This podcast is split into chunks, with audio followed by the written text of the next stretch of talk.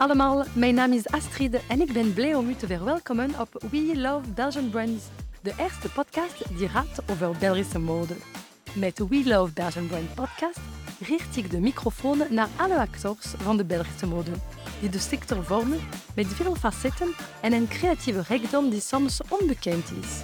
Door deze interviews wil ik de mensen ontmoeten en luisteren naar de verhalen achter een merk. Want een succes is altijd complexer dan een mooie reclame of een Instagram-post.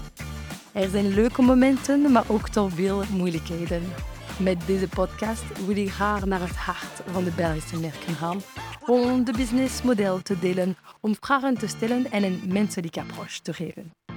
Mini disclaimer: ik ben niet perfect vertalig. Ik kom uit Frankrijk, maar woon al 14 jaren in Antwerpen. Met deze podcast ga ik mijn best doen om afleveringen in het Nederlands op te nemen. Ik vind het belangrijk om de mensen in hun moedertaal te interviewen. Gepassioneerd door mode en de creatieve kracht van België wil ik met mijn podcast nieuwe mensen ontmoeten en samen babbelen over deze dynamische wereld. Ik wens u nu veel luisterplezier. Vandaag duik ik met jullie in de wereld van de cosmetica. Een sector waar ik heel weinig van weet, moet ik toegeven. Maar ik ben natuurlijk dol op producten die lekker ruiken, mooie verpakkingen, crème die goed aanvoelen en die zo natuurlijk of clean zijn. Niet zo lang geleden hoorde ik over het Belgische merk Sim. En het was een geweldig ontdekking. Met een mengeling van opwinding, nieuwsgierigheid en enthousiasme ga ik Anke en Isabel al mijn vragen stellen. Isabel en Anke, hallo. Hey. hallo. Ik begin altijd met de volgende vraag. Wie zijn jullie, Isabel en Anke? En um, van welke beroep droomden jullie toen jullie kinderen waren? Isabel, ik uh, vraag je aan u. Ik ben Isabel, ik ben 38 jaar en ik ben samen met Anke mede-oprichter en mede-zaakvoerder van SIEM. En ik droomde eigenlijk vroeger van om dierenarts te worden. Ah, interessant. dus totaal niets te maken met SIEM. Oké, okay. en voor u, Anke? Dus ook 38 jaar. Ik ben uh, mama van Louis en Leon. Ik ben het hey. lief van Willem. En ik droomde eigenlijk ook om dierenarts te worden. ah, echt waar? Schattig. Ja. Eerst dokter en dan dierenarts. En dan heb ik dat eens op televisie gezien, wat dat precies betekende. En dan zag ik iemand die met zijn hand in de poep van een... en dan had ik eigenlijk beslist dat ik geen dierenarts meer wou worden. Ah, ja, je, je, je, bent direct getraumatiseerd. voilà. Oké, okay. maar als ik me niet vergis, hebben jullie niet dierenarts gestudeerd. Nee. Uh, maar wel advocatuur. Ja. Kunnen jullie een beetje meer zeggen over uh, jullie background? Ja, dus we hebben allebei rechten gestudeerd in Gent. En eigenlijk kennen Anke en ik elkaar al langer. Ah. Wij zijn samen naar de middelbare school geweest in Aalst. En het is eigenlijk tijdens onze rechtenstudies aan de UNIF in Gent dat we echt close vriendinnen geworden zijn. En het is eigenlijk ook in die periode als student dat we daarvan dat we filosofeerden of ervan droomden van wat willen we later worden, ja. wat willen we later gaan doen. En dat we dan van elkaar ontdekten dat dat onze droom was om uh, onderneemsters te worden. En dan hebben we eigenlijk als student een soort pact gesloten als een van de twee ooit de stap zou zetten om een eigen onderneming op te richten, dat we het samen zouden doen. Oké. Okay. Dat heeft dan nadien is een mannelijke journalist het Bikini-pact genoemd. Ah, omdat dat, dat was uh, na een examen fiscaal recht aan de Blaarmeerse in Gent. dan lagen we te zonnebaden. We hebben dat dus zelf niet zo genoemd. Maar dan stuurden we af en hadden we eigenlijk geen plan en ook geen budget. Dus zijn we allebei beginnen werken als advocaat eigenlijk na onze studies. En dat hebben we vier, vijftal vijftal jaar allebei gedaan. Top. Voor en... bij verschillende advocatenkantoren. Super. En heeft jullie ervaringen als advocaten jullie geholpen in het ondernemingsverhaal van, van SIM? Ja en nee. Het helpt ons wel in de zin dat, dat we zo alle wetgeving en zo goed begrijpen en dat voor ons geen issue is. Maar het, ik heb het gevoel dat het ons soms ook wel wat tegenhoudt. Uh, in die zin dat we juist de wetten goed begrijpen en goed volgen. En ik merk soms wel dat we misschien daardoor net iets voorzichtiger zijn. En ik denk, als ik dan kijk zo naar andere spelers in, op de markt, denk ik dat we ons soms wat te goed aan alle regeltjes houden. Wat goed is, want daardoor slapen wij een goed slaap. Ja. maar waardoor het misschien soms net iets minder snel gaat. En wat ik ook even vind merk, is dat als we nu iets juridisch moeten doen, contracten nalezen of zo, is dat we daar echt een absolute hekel aan hebben. Ja, is dat we dat echt uitstellen tot het aller, allerlaatste moment. Um, dus ik snap niet hoe ik het vroeger graag had kunnen doen. Ik vond het toen best wel interessant, maar nu, um, nee, het is niet meer voor mij. en we doen ook nog weinig. Ik bedoel, we beslissen vaak van... We doen geen contract, we doen gewoon een mailtje, we doen gewoon mondelinge overeenkomst. Eigenlijk maken we van weinig nog contracten, ja, zal ik maar zeggen. Dus we zijn vooral voor de handige, praktische uh, aan. Super. En hoe zijn jullie van advocatuur naar echt uw merkenproduct, ja, beautymerken zijn begonnen? Ja, ja, die vraag. Het is wel, wel al langer zo wat ondernemers doen, maar dat kon eigenlijk gelijk wat geweest zijn tijdens onze studies. Ik denk dat wij daar toen... We hebben zo wat zitten brainstormen. Ik denk dat het kon IMO geweest zijn, fashion, whatever. We wilden gewoon graag een bedrijf opstarten. Uh, maar waarom we dan specifiek in de skincare uh, gestart zijn, dat heeft met mijn vader te maken. Ja. Uh, die zit ook in ons bedrijf. En ik ben eigenlijk met hem op een gegeven moment een, een trektocht gaan doen door de Himalaya. En het is tijdens die trektocht dat ik met hem met gesproken heb over het feit dat ik graag ooit een eigen onderneming wou starten. En hij zit eigenlijk al 30 jaar in de sector van de grondstoffen voor cosmetica. En vlak na zijn studies heeft hij een aantal jaren in uh, de Himalaya gewerkt. Uh, dat was een project van de Verenigde Naties rond medicinale planten die in de Himalaya groeien. En eigenlijk tijdens die trektocht, dus zoveel jaren later, kwam dat voor hem ook allemaal een beetje terug van... Um, dat zijn toch wel hele speciale planten. Ik zou daar ooit ook graag nog eens iets mee willen doen. Dus we zaten s'avonds rond het kampvuur en dan zijn oh. de eerste brainstorms uh, rond Sim begonnen. En wat we eigenlijk wilden doen, is planten uit de Himalaya combineren met ingrediënten die we hier in Europa vinden. En traditionele kennis uit de Himalaya combineren met moderne wetenschap van hier. Dat was eigenlijk, we wilden die twee uh, werelden verenigen. Cool. Dat was zo het eerste zaadje rond Sim uh, dat geplant is. Maar we hebben toen wel al een aantal analyses laten doen op planten die we daar vonden. En blijkt dat die effectief heel interessant zijn voor skincare. Um, omdat, de reden is dat planten die daar op hoge hoogte groeien, mhm. dat is in uh, heel zuivere omstandigheden, in mhm. zuivere lucht. Maar dat is ook geen moeilijke omstandigheden. Mm heel veel zonlicht, weinig zuurstof, grote temperatuurverschillen. En dat zijn eigenlijk superfoods die daar kunnen overleven. En je ziet dan in de consistentie dat dat qua uh, actieve bestanddelen heel hoog ligt. En dus vandaar dat wij eigenlijk met die superfoods gaan werken zijn, met lokale partners van Ginder, en dat combineren we dan met de grondstoffen. Super. En niemand wist dat voordat je papa dat ontdekt? Maar er zijn wel al langer studies daar, uh, maar ik denk dat het tot nu toe vooral een beetje in medicijnen gebruikt wordt, mm -hmm. ook in essentiële olie, maar er zijn niet zoveel skincare-merken die met die superfoods aan de slag gaan. Super. Ja. En uw papa werkt nu nog altijd in de WSIM? Ja, ja, hij doet nog altijd uh, met onze productontwikkeling en onze sourcing van de ingrediënten uitnemen. Super. Hij is eigenlijk de enige man in ons team. Ah ja? Woman power. Uh. Ja. Oké, super. En waarom SIM? Uh, ja, goede vraag. Dat uh, ja, het Frans woord voor ja. En dat verwijst, verwijst dan naar de bergplanten die wij gebruiken. Super. En voor Franstaligen is dat heel duidelijk. Nederlandstaligen hebben soms wat moeite het woord, want het is niet zo gekend woord. En dus heel in het begin zeiden mensen heel vaak stime of stime. Chimé heb ik ooit eens gehoord. Ja. En voor de Engelstalig, is dat oké? Okay? Ja, ze zeggen wel vaak Sime. Ondertussen, in België spreekt iedereen het wel goed uit. Hebben we de boodschap wel goed verspreid gekregen. Ja. Maar het is wel waar, voor de Engelstaligen, uh, daar hebben we nog wat werk. Uh. Ja, maar voilà, ze gaan dat ook leren. Voilà. voilà. en ehm, kunnen jullie een beetje meer vertellen over Sim? Wij kunnen veel vertellen over Sim. Doe maar, Isabel. Misschien over onze filosofie. Ja. Dus uh, toen Anke en ik Sim hebben opgericht, hebben we eigenlijk van in het begin beslist dat wij niet het zoveelste skincare-merk wilden zijn. We wilden eigenlijk een merk creëren met echt een filosofie, met een verhaal. We hebben die eigenlijk aan, toen met onze oprichting bepaald en we daar heel sterk aan vast. En op die manier willen we eigenlijk aan impact ondernemen doen. Dus wij zijn geen eh, VZ2 of geen NGO, we zijn echt een winstgevend bedrijf. Maar onze filosofie is hoe, hoe, groter wij hier kunnen zijn in Europa, hoe meer we kunnen verkopen, hoe meer impact we kunnen hebben in Nepal, waar mhm. dus onze uh, ingrediënten vandaan komen.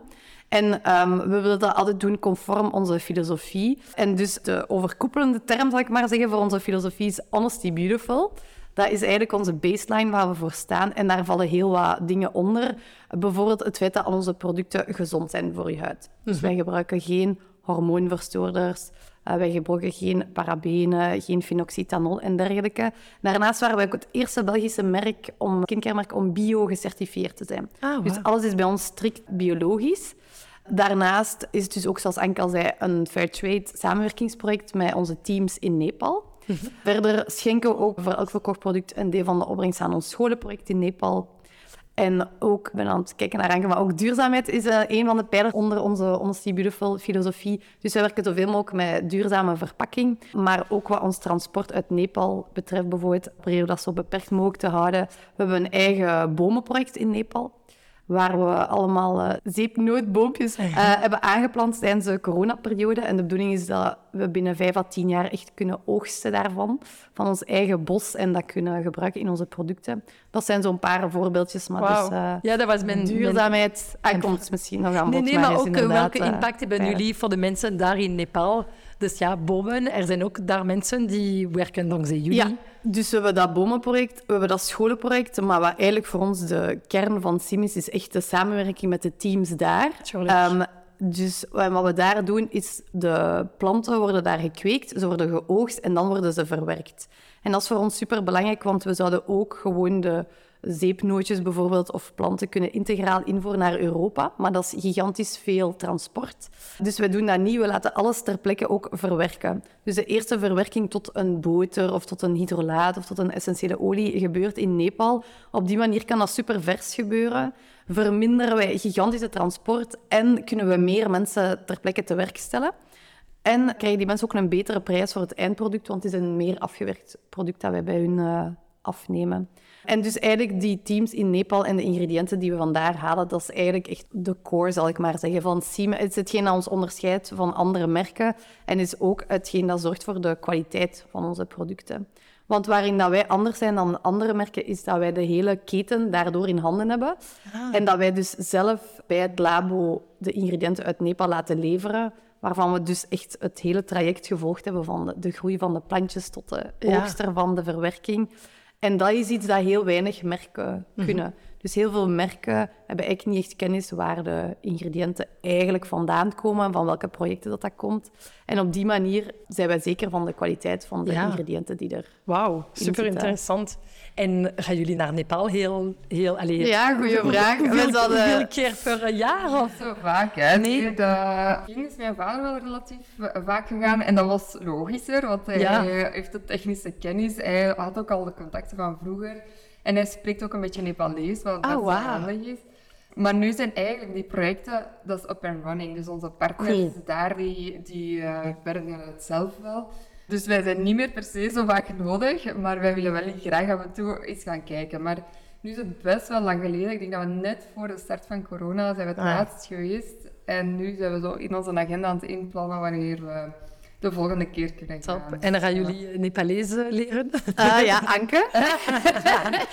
nee, Engels is, Engels is goed. Ja, ja, ze spreken eigenlijk best goed Engels. Ja. Het is eigenlijk niet nodig om, uh, om Nepalees te leren. En het zijn super toffe mensen. Het, Leuk. Ja, het is echt heel fijn. En het zorgt er ook voor dat wij eigenlijk voor al onze producten wel een tof verhaal hebben om te vertellen. Ja. elk van die ingrediënten, uh, bijvoorbeeld, we gebruiken groene thee in een aantal van onze producten. Uh, dat zijn twee zussen die een, uh, de eerste biotheeplantage van Nepal runnen. Die daar ook een ganse visie over hebben, over hoe dat je eigenlijk op een fair trade basis uh, zo'n plantage moet runnen.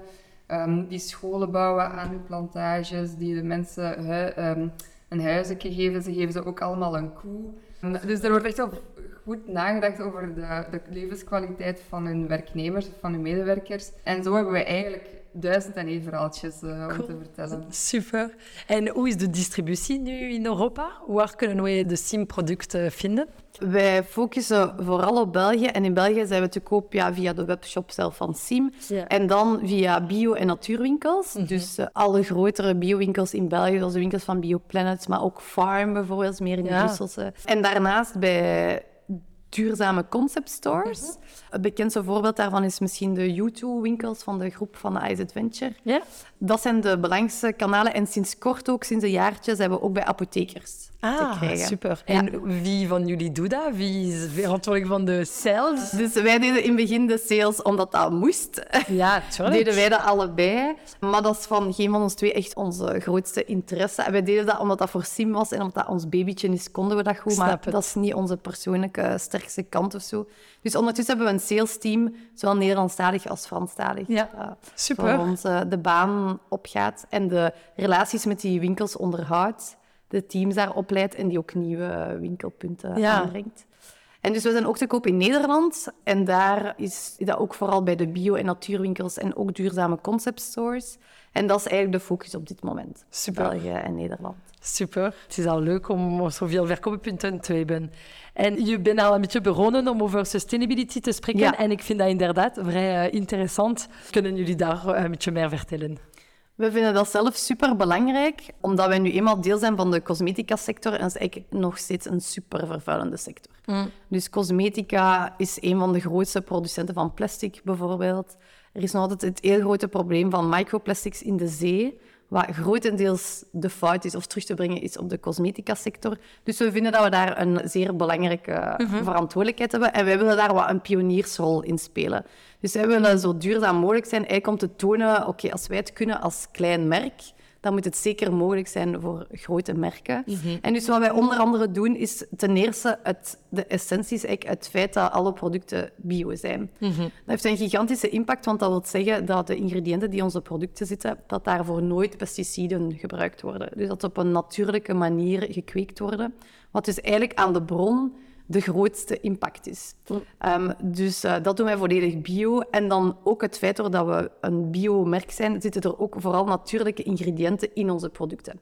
Waar dat bij een niet-bioproduct de basis vaak petroleum is, bijvoorbeeld, wat eenmaal niet uit de natuur komt. Zijn bij ons de, de basis zijn natuurlijke oliën en dergelijke. Dus bij ons is eigenlijk altijd de volledige formule, volledig natuurlijk, dus afkomstig uit de natuur. Uh, dus dat is de eerste fase. Dan het tweede aspect is de verwerking, die dus vooral in Nepal gebeurt om het transport te verminderen.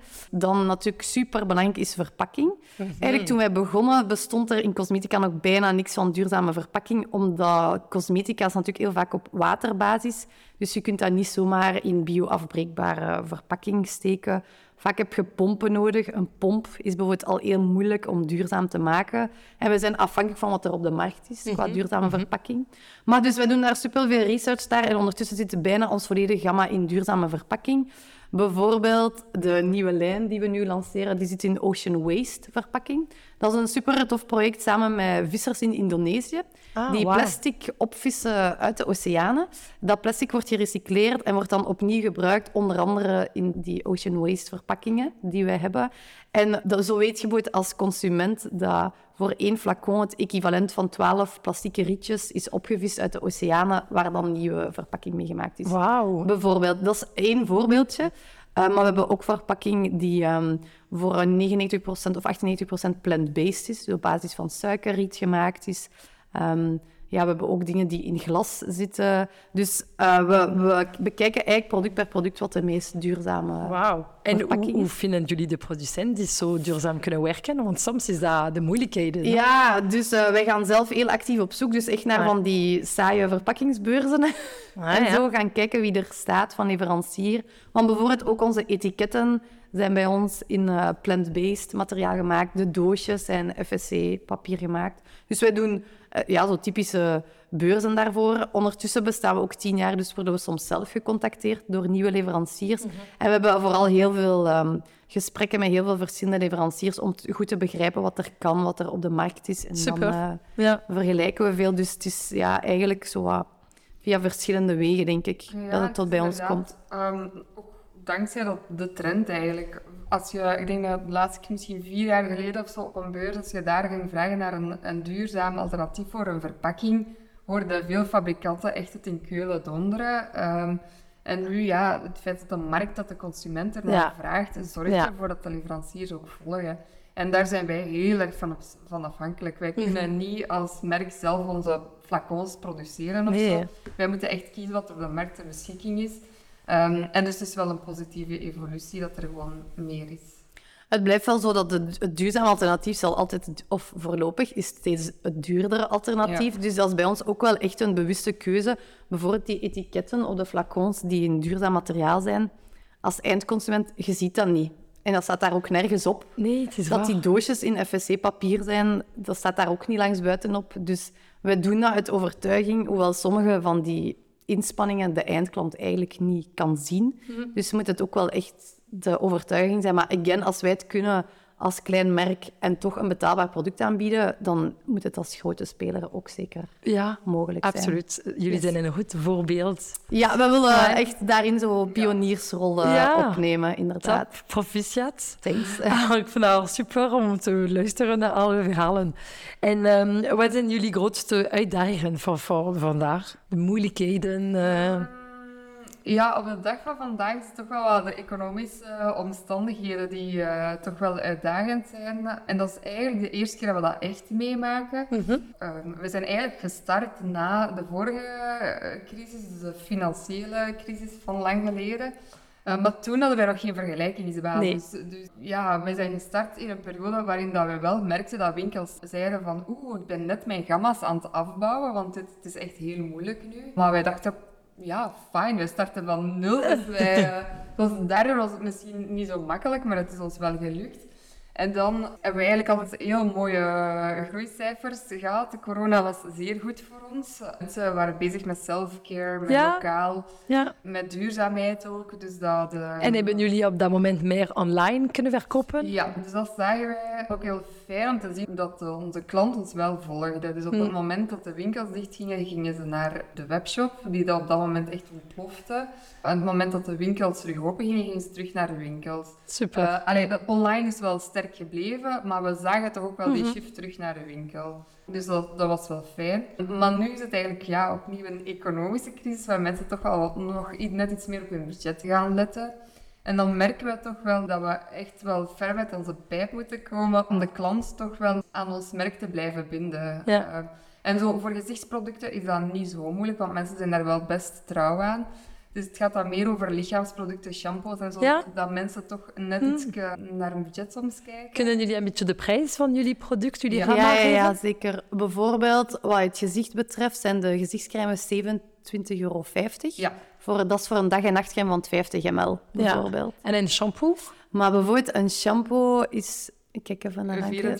24,5. Ja, 24,5. En vaak vinden mensen een gezichtscrème van 27,5 oké, ook in financieel moeilijke tijden, ik wil mijn gezichtscrème, maar mijn shampoo Ja. voor die prijs, daar ga ik dan eens op besparen en ga ik eens een goedkopere shampoo... En lichaamsproduct is ook een beetje moeilijker om de mensen te overtuigen. En wat is Eh, de prijs? of, of ze zijn eh, trouwer op gezichtsproducten dan Ah. op eh, lichaamsproducten, denk ik. Ja, of allee, wij maken bijvoorbeeld douchegels, die zijn 16,70 euro. En natuurlijk, ja, in, in de winkel, je hebt ook goedkopere alternatieven. Hè? Dus ehm, daar zijn mensen iets minder trouw op momenten dat ze op hun budget letten. Ehm, ik denk dat bij corona was dat bijvoorbeeld veel minder het geval, maar nu hoor je natuurlijk constant in de media, iedereen moet op zijn geld letten. En dus eh, we merken wel dat dat in de mensen hun, hun geest zo is eh, geslopen. En voor ons is dat gewoon onmogelijk om een douchegel te maken van, zeg maar wat, 5 euro. Dat is onbestaand. De, Tuurlijk. Daarvoor kunnen we niet biologische ingrediënten kweken die op een, waardoor voor mensen op een eerlijke manier zijn betaald, die in een duurzame verpakking zit. Dat Nee, nee. is onbestaand gewoon. Nee, nee, en wat ik ervaar in de modesector is dat het is niet per se de goedkope merken die meer succes hebben. Het is soms de mooier product, de specialer product, maar je moet daarover kunnen communiceren. Ja. Ja. Dus ik geloof keer dat uw prijs is de juiste prijs en dat jullie moeten niet naar 5 euro gaan. Ja, en we kunnen het ook niet. Dus Nee, het is nee, ook voilà, niet een is- optie die nee. op tafel ligt. Want Nee, nee. als we elke partner correct willen betalen, dan... Want er, zijn we ook, er is ook een trend van mensen die willen minder consumeren, maar beter Ja. consumeren. Ja. Zeker. En het is ook wel zo dat als we het verhaal vertellen, dat mensen achteraf dan vaak schrikken van, ah, amai, dat valt echt heel goed mee. Ja, Ehm, en dat was ook een bewuste keuze van ons, want wij wilden eigenlijk die biocosmetica naar een groter publiek trekken. Mhm. Maar als wij tien jaar geleden begonnen, was dat nog heel erg niche. Ja. Ehm, je had eigenlijk geen Belgische merken die dat deden. Ehm, je had een aantal Duits-Zwitserse merken, maar die zo'n beetje oudbollig imago hebben. Mhm. En mensen waren daar niet mee bezig. vond- Allee, zo, toen was dat nog heel erg hippie, zo. Ja, ja, ja. Alternatieve. alternatief. En zo ook vooroordelen over de geur, de textuur. En wij dachten dat er een opportuniteit was als we dat konden opentrekken, die Ja. markt. Ehm, en dus we zijn eigenlijk van in het begin heel erg beginnen werken op die geuren, die texturen, toffe, frisse verpakkingen. Daardoor wilden wij meer mensen bio willen laten smeren, want dat is en beter voor het milieu, maar ook beter voor de gezondheid van Ja. de mensen als die heel, al die hormoonverstoorders en die petroleum en zo niet binnenkrijgen. Minder microbeats. En maar een voorwaarde daarvoor was ook wel dat die producten niet heel duur mochten zijn. We doen echt ons best om de prijs relatief scherp te houden, maar natuurlijk wel waarbij iedereen er een, eh, een eerlijk stukje aan verdient. Ik moet zeggen, ik ben zelf fan van eh, jullie oil, de oil cleanser. Ik vind dat echt Ja. een topper. Wat zijn de andere bestsellers? Of, of is dat een bestseller? Dat weet ik niet. Maar eh, wat zijn jullie beste producten? De bestsellers zijn de producten voor het gezicht. Ja. En ik denk nog altijd de gezichtscrèmes, de, dag, de dag- en nachtcrème. En misschien daar bijzonder is dat wij werken met dag- en nachtcrème in één. Dus je hebt maar één potje nodig, s ochtends en s avonds hetzelfde. En er zit een natuurlijke zonnebescherming in, in onze gezichtscrèmes. Dus ik denk dat dat officieel de bestsellers zijn. Ja, we Ja. hebben drie dagen nachtcrèmes, afhankelijk van uw huidtype. En, die zijn En er komt nog een vierde bij, soms want als de ja, podcast er is, hebben we er vier. Oké, Ja. spreek even over... Je kan nu even Ja. spreken over... Is dat, is dat de Honestly Aging? Ja. Ja. Ah, top, want Ja. ik ben zelf 14 en ja, sommige dagen is het niet zo gemakkelijk om, om u te zien ouder worden. Dus ik ben heel, allee, heel benieuwd van jullie Honestly Aging eh, programma. Wat betekent dat? Yes, dus Anke en ik hadden denk ik hetzelfde als u. We zijn allebei Ja. 38, we worden 39 dit jaar. En wij merkten gewoon bij onszelf, maar ook bij onze vriendinnen, bij de klanten rondom ons, dat dat zo begon te leven. Dat we dachten, amai, als ik 's ochtends in de spiegel kijk, ik zie er wel minder fris uit dan een paar jaar geleden. Op foto? Ja, op foto. Ja. Eh, rimpeltjes, kraaipootjes, minder frisse blik. En we merkten dat dat heel erg dus leefde bij ons en de mensen eh, rondom ons. En dus zouden we speciaal producten daarvoor ontwikkelen. Maar dan gingen we research doen en dan ja, ontdekten we wat iedereen echt zich wel bewust van is, dat in de cosmetica-markt, dat alle producten die zo daaronder vallen, dat dat valt onder de term anti-aging. En wij merkten dat wij daar zeer veel weerstand tegenover voelden. Waarom anti? Ja. Want inderdaad, waarom anti? Want anti insinueert dat aging een probleem is, waarvoor dat er een oplossing moet komen. En dat insinueert zelfs ook dat mensen die ouder zijn, dat die minder waardevol zouden zijn, dat oudere huid niet mooi is. Ehm, en dat mensen zelfs maatschappelijk minder relevant worden als ze ouder worden. Ook gingen we dan research doen op vlak, bijvoorbeeld als we een fotoshoot hadden, gingen we research doen op foto's van rimpels. Maar dus als je op Pinterest aging skin bijvoorbeeld ingeeft, dan krijg je alleen maar foto's van mensen tot 30, die dan zo'n beetje hun oog dicht knijpen en als ze zo wat rimpels geven. En dus eh, ik denk dat er op Pinterest vijf foto's circuleren die we altijd opnieuw tegenkwamen van iemand die dan echt ouder is. Maar dus eigenlijk merkten we dat in de cosmetica-sector er ook gewoon geen oudere modellen gebruikt werden om die lijnen te promoten. En voilà, dus we wilden ons daar wat van afzetten, net onder het idee dat we ook op vlak van die Honestly Beautiful een pioniersrol willen spelen. En dat we dus willen promoten dat er eenmaal niks verkeerd is aan ouder worden. Dat je eigenlijk tevreden mocht of blij Ja, mocht zijn als je ouder wordt. En dat ook heel veel dingen mooier worden aan nu als je ouder wordt. Meer levenservaring. eh voilà, je lachrimpeltjes die erbij komen door de ervaringen die je gehad hebt. En dat hebben we onder de- onze noemer ehm, Honestly Aging gestoken eigenlijk. Dus we praten nooit over eh, Nee, nee. anti-aging, maar over honestly aging. En het idee is dat we dus producten ontwikkeld hebben die het natuurlijke huidverhoudingsproces van je huid, dat je toch niet kunt stoppen, om dat zoveel mogelijk op een natuurlijke en gezonde manier te ondersteunen. Ja. Zodanig dat je elke dag eh, de beste versie van jezelf kunt zijn, maar zonder dat het de bedoeling is om de jongere versie Nee, van nee. jezelf En dat is zijn. laatste producten. Ja, Cool. er zijn drie nieuwe producten. Super, oké.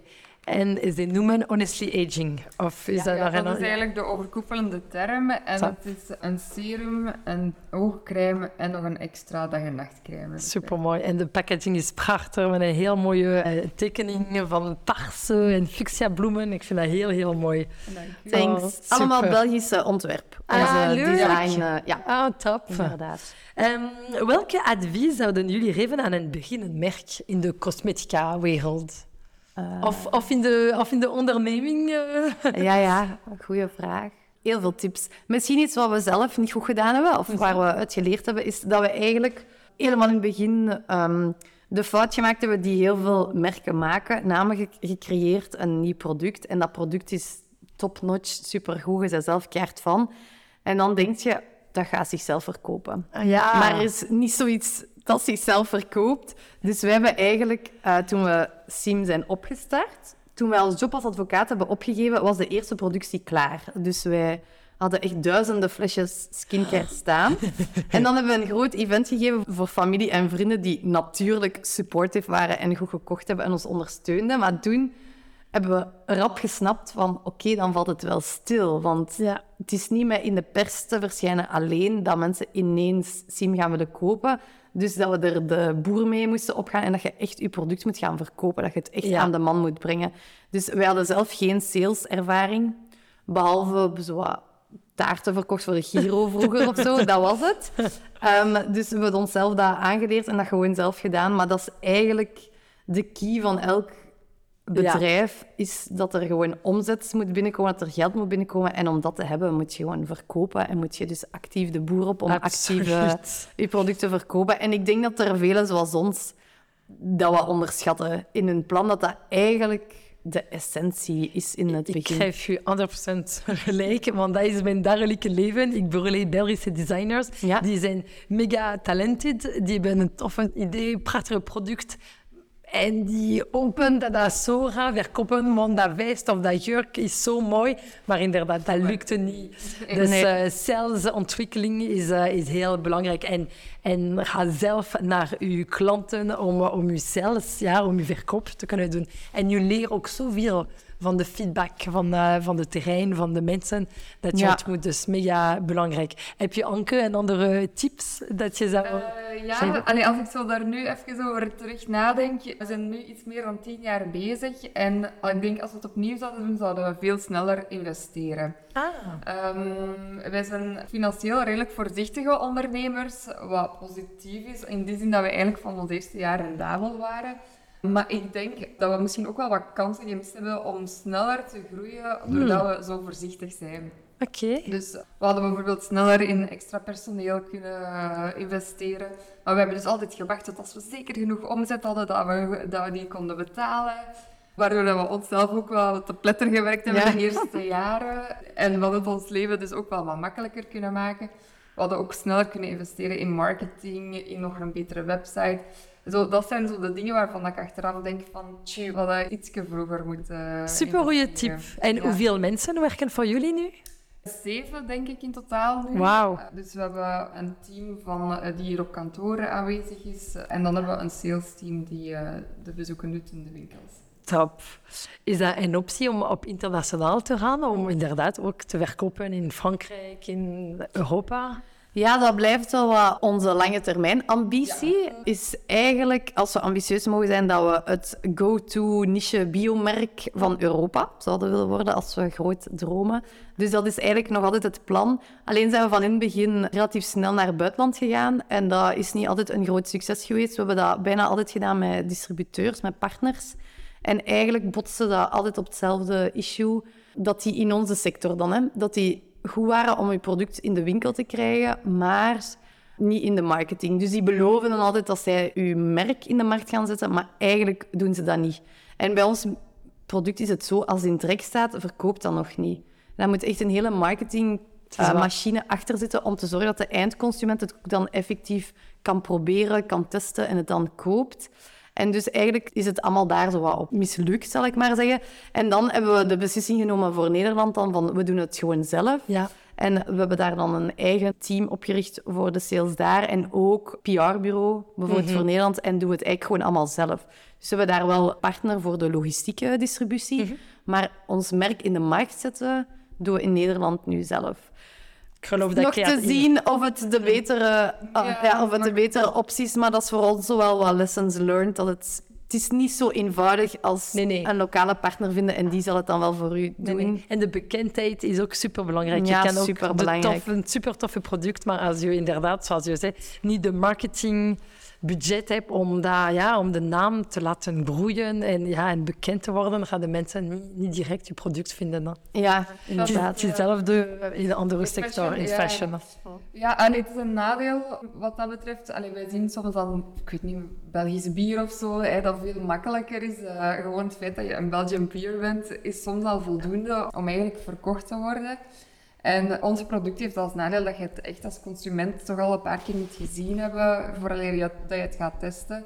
Maar het grote voordeel is dat je wel trouwer bent dan aan een bier bijvoorbeeld. Ja. Ehm, Ja. Dus als wij mensen, eh, meestal als mensen het beginnen gebruiken, kopen ze wel om de paar maanden opnieuw hun, eh, hun eh, gezichtsproducten. En dat is eigenlijk heel fijn. Ja. Zeker mensen met een gevoelige huid. Dus ik zelf bijvoorbeeld heb ook een heel gevoelige huid en we hebben best veel klanten die dat ook hebben en die daarom zo naar de biosector gaan. En klanten zoals ik zelf, ik test niet zo wat van alles uit, want ik heb een zeer gevoelige huid die daar dan slecht op reageert. Dus een keer dat ik iets heb dat goed is, blijf ik daarbij en blijf ik daar dus zeer trouw op en wil ik eigenlijk niet zo wat van alle dingen door elkaar uitproberen. Dus ehm, zo, eh, dat is inderdaad in skincare dan wel weer een voordeel. De eerste aankoop is moeilijker, maar een keer dat je fan bent, Ja. blijf je een trouwere fan. Super. Hier spreken we over Belgische modemerken of Belgische merken. Is Sim een Belgische merk? Waarom? En hoe belangrijk is dat voor jullie? Ja, wij zijn Ja. een Belgisch Ja. merk. Ja, je bent dat een paar keer gezegd. eh, Ja, ja, dat is zoiets dat voor ons eh, heel duidelijk is. Dus Ja. alle, ja, wij zijn de founders, wij zijn eh, eh, Belgisch. Alle, alle denkwerk, alle creativiteit wordt in België ge- eh, gedaan. We werken nu ook met een Belgisch labo die de productie doet eh, Cool. voor ons.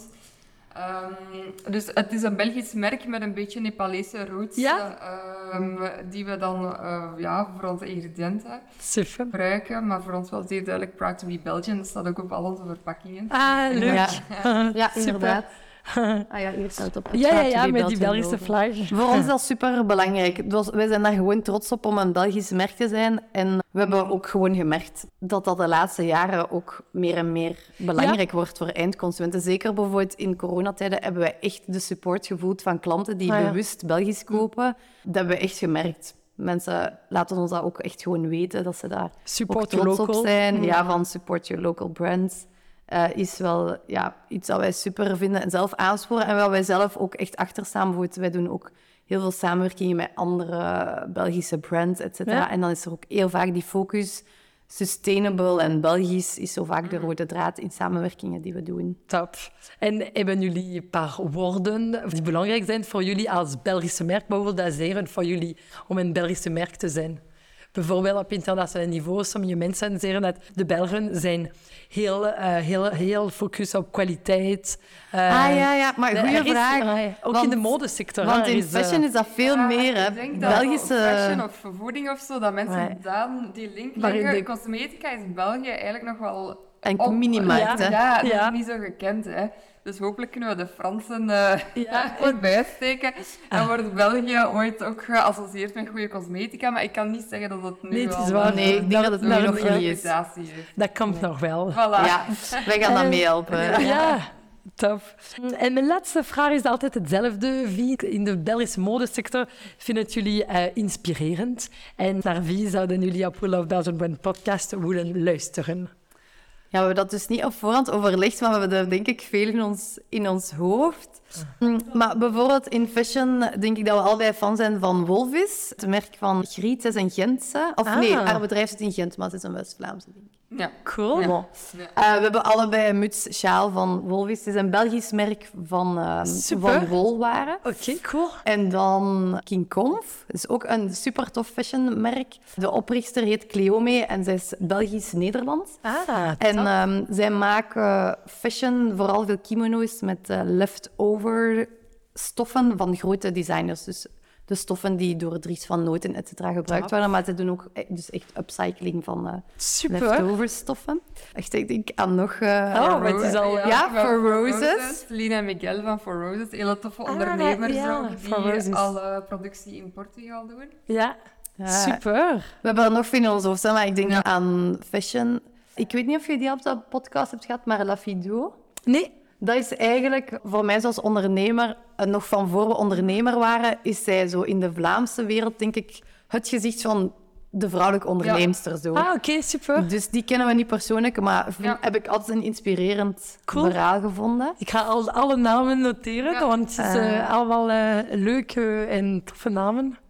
Super. Ehm, bijvoorbeeld Nena kunnen we misschien ook vermelden. Nena Driehuizen, zij is fotografe en Ah. zij fotografeert voor veel Belgische fashion Oké, cool. merken. En zij is een goede netwerker die veel merken met elkaar Ah, eh, super. verbindt. Oké.